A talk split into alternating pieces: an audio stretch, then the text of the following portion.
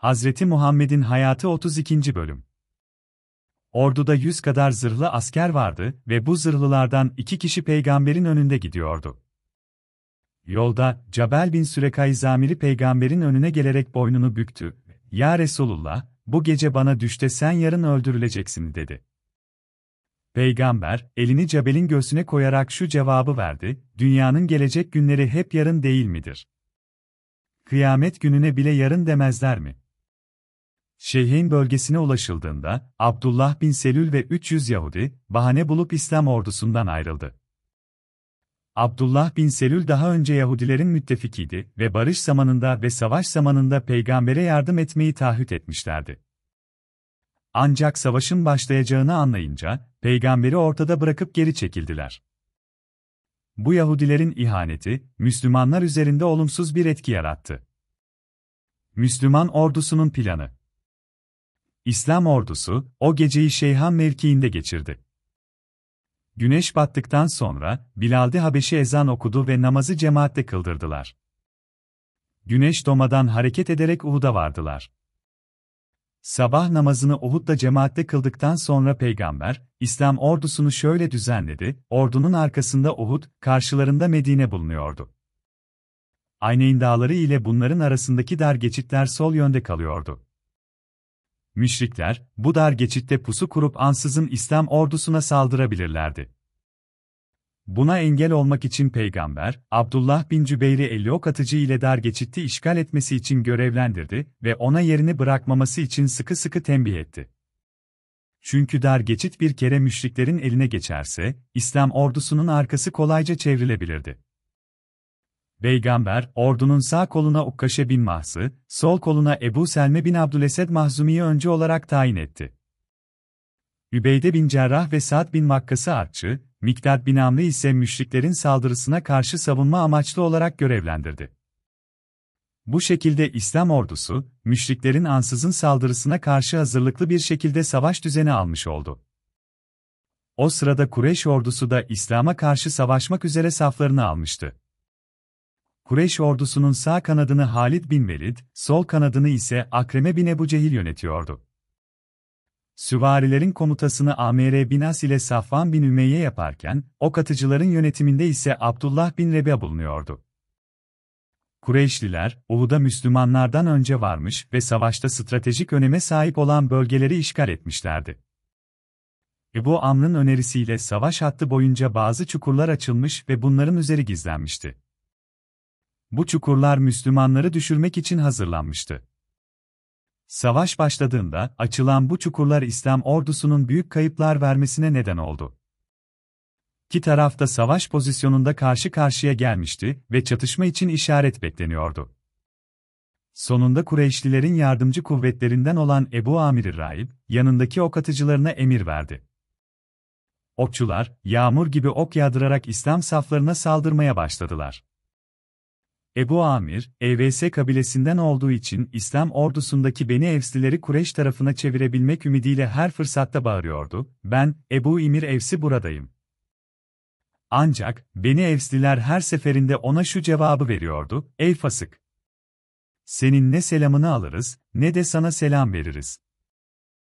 Bu sırada Kureyş ordusundaki köleler ileri atıldı ve ellerindeki sapanlarla Müslümanlara taş atmaya başladılar. Ancak, Müslüman okçuların şiddetli karşılığı üzerine müşrikler geri çekilmek zorunda kaldılar. Safların gerisinde duran Ebu Süfyan'ın karısı Hinde ve diğer müşrik kadınlar, Bedir'de ölenlerin adlarını anarak ağıt okuyor ve arada askeri coşturmak için şu manzumeyi söylüyorlardı. Biz seher yıldızının kızlarıyız, parmaklarımızın üstünde seke seke yürürüz. Eğer yiğitçe hücum ederseniz, sizi kucağımıza alırız. Ama arkamızı dönerek kaçarsanız, sizi nefretle reddederiz. Kureyş kadınları, bu manzumeyi birkaç kez yüksek sesle söyledikten sonra geri çekildiler. Müslümanların amansız okları karşısında Kureyş atlılarında bozgun işaretleri başlamıştı. Beni Havaz'ın aşireti de yüz çevirerek geri çekildi. Meydan Savaşı'nın hikayesi anlatılmaktadır. Talha bin Ebi Talha adında bir müşrik, bayrağı taşıyarak Müslümanlara meydan okumuştur. Talha, Mekke'nin en güçlü ve zengin ailelerinden biri olan Abdüddar ailesinin başkanıydı. Bu aile, serveti yanı sıra, babayit kabul edilen 8 erkek kardeşe sahipti. Talha, meydana gelir gelmez recez okuyarak ve er dilemeye başladı. Talha, diğer Müslümanlardan daha güçlü ve kabiliyetli olduğu için kimse onunla savaşmaya cesaret edemiyordu. Ancak Hazreti Ali, peygamberin izniyle Talha'nın karşısına çıktı. İki taraf da karşı karşıya geldi ve savaş başladı. Kureyşliler, Talha'nın kazanacağını düşünüyorlardı. Fakat Ali, Talha'nın saldırısını kolaylıkla savuşturdu. Daha sonra Ali'nin vuruşu, Talha'nın kalkanını ikiye böldü ve başına giydiği demir miğferi parçaladı. İkinci saldırıda, Ali hasmın ayağını keserek yere düşürdü. Talha'nın edep yeri açıldığında, Ali hemen yüzünü çevirip onu bıraktı ve Müslüman ordusundaki yerine geri döndü. Misaba bin İmir, Ali'nin yarıda bıraktığı işi tamamladı ve Talha öldürüldü. İslam ordusunda iyi bir etki yarattı. Peygamber, bundan memnun olarak tekbir getirdi ve ashab da onunla birlikte tekbir getirdiler. Ali'nin vuruşu, düşman üzerinde kötü bir etki bıraktı. Talha'nın kardeşi Osman bin Ebi Talha, hemen bayrağı alarak mübareze meydanına atıldı ve er dilemeye başladı. Recez, o zamanlarda savaşa girenler tarafından okunurdu. Recez okuyanlar, savaşlarda kendilerini ve ailelerini överlerdi. Recez, manzum olarak meydan okuma demektir. Hazreti Hamza, Osman'ın karşısına çıktı. Bu muharebede birinci kadar önemliydi.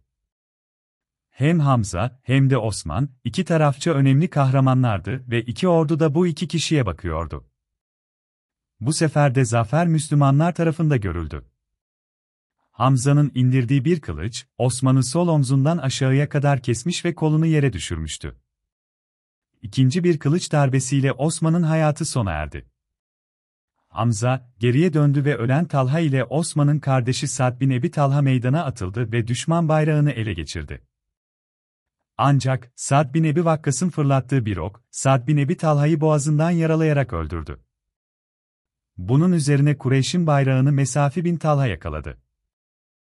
Ancak, Mesafi meydanda görünür görünmez, Ebil Eflah'ın torunu Asim bin Sabit, bir ok fırlattı. Asim'in attığı ok, Mesafi'yi yere devirdi. Mesafi bin Talha yaralandıktan sonra, onu annesi Sülafe bin Sad'ın yanına götürdüler.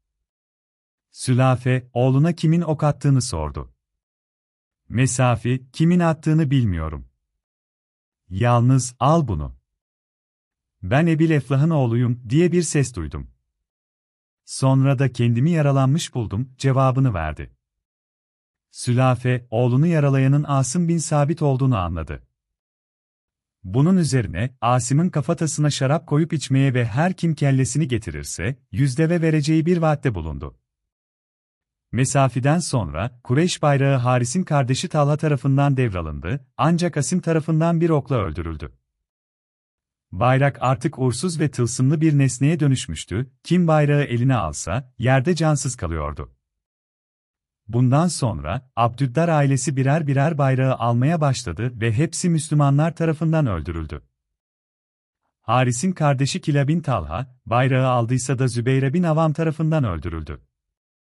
Sonra Cilasi bin Talha'yı Talha bin Abdullah adlı bir Müslüman öldürdü. Cilas'tan sonra bayrağı yine Abdüddar ailesinden Ertat aldı, ancak o da öldürüldü. Daha sonra Şüreyh bayrağı devraldı ama o da sonunda öldürüldü. Şüreyh öldürüldükten sonra, Kureyş bayrağı Abdüddar ailesinin kölelerinden bir genç olan Savab'a teslim edildi. Ancak o da öldürüldü. Sonrasında, erkeklerden bayrağı kaldıracak kimse kalmayınca, Alkame Harisiye'nin kızı Amir bayrağı aldı. Kureyş bayraktarlarının arka arkaya ölümü, Kureyşlilerde bir yılgınlık hissi uyandırdı ve bir duraklama yaşandı. Bu sırada Hazreti Peygamber'in elinde bir kılıç vardı. Kılıcın üzerinde korkmak, utanç getirici bir şeydir. Yılmazlık büyüklüktür, insan, korkmakla kaderin hükmünden kurtulamaz, şeklinde bir beyit yazılıydı. Peygamber, bu kılıcı göstererek, içinizde bu kılıcın hakkını verecek birisi var mı, diye sordu. Müslüman safları arasından birkaç kişi çıktı, ancak peygamber kılıcı hiçbirine vermedi. Bunun üzerine kahramanlığı ile tanınmış, cesur ve cenkçi bir pehlivan olan Ebu Deccane geldi ve ''Ey Allah'ın elçisi! Bu kılıcı bana veriniz. Allah yolunda çarpışayım ve bu kılıcın hakkını vereyim.'' dedi. Peygamber de kılıcı Ebu Deccane'ye verdi. Ebu Deccane, başına kırmızı bir sarık sarmıştı, bu da, bu uğurda ölmek var, dönmek yoktur anlamına geliyordu. Ebu Deccane, kılıcı aldıktan sonra, Kureyşlilerin safı karşısında çalımlı bir eda ile dolaşmaya başladı. Ancak peygamberin hoşuna gitmeyen bu davranışı, kibirlilik olarak nitelendiriliyordu. Çünkü peygamber, kibirliliği en fena huy olarak görüyordu. Bir sahabi, Ebu Deccane'nin bu halinden şikayet etmek istedi, ancak peygamber, evet, kibirlilik Allah'ın sevmediği bir huydur. Fakat düşman karşısında yapılabilir, şeklinde cevap verdi. Ebu Deccane birkaç kez dolaştıktan sonra, düşman saflarına atıldı. Riboyu, kırmızı sarığı ve heybetli görünüşüyle karşısındakileri çil yavrusu gibi dağıttı. Ebu Deccane, iki taraftan boşluklar bırakarak düşman saflarının en arkasına kadar saldırdı. Burada Ebu Süfyan'ın karısı Hinde, diğer kadınlarla birlikte tefler çalarak Müslümanlar aleyhinde hicivler söylüyordu. Ebu Deccane'nin öfkesi arttı ve Hinde'ye saldırarak onu öldürmek istedi. Ancak aniden, Hazreti Muhammed'in kılıcını bu kadının pis kanına bulaştırmak doğru değildir, diyerek bu fikrinden vazgeçti. Kureyş başkanlarından Halid bin Velid, Müslüman ordusunun arkasını çevirmeyi planlıyordu. Bu amaçla peygamberin Aynen Dağı'ndaki derbende gönderdiği Abdullah bin Cübel müfrezesine birkaç defa saldırmıştı, ancak müfrezeyi oradan atmayı başaramamıştı.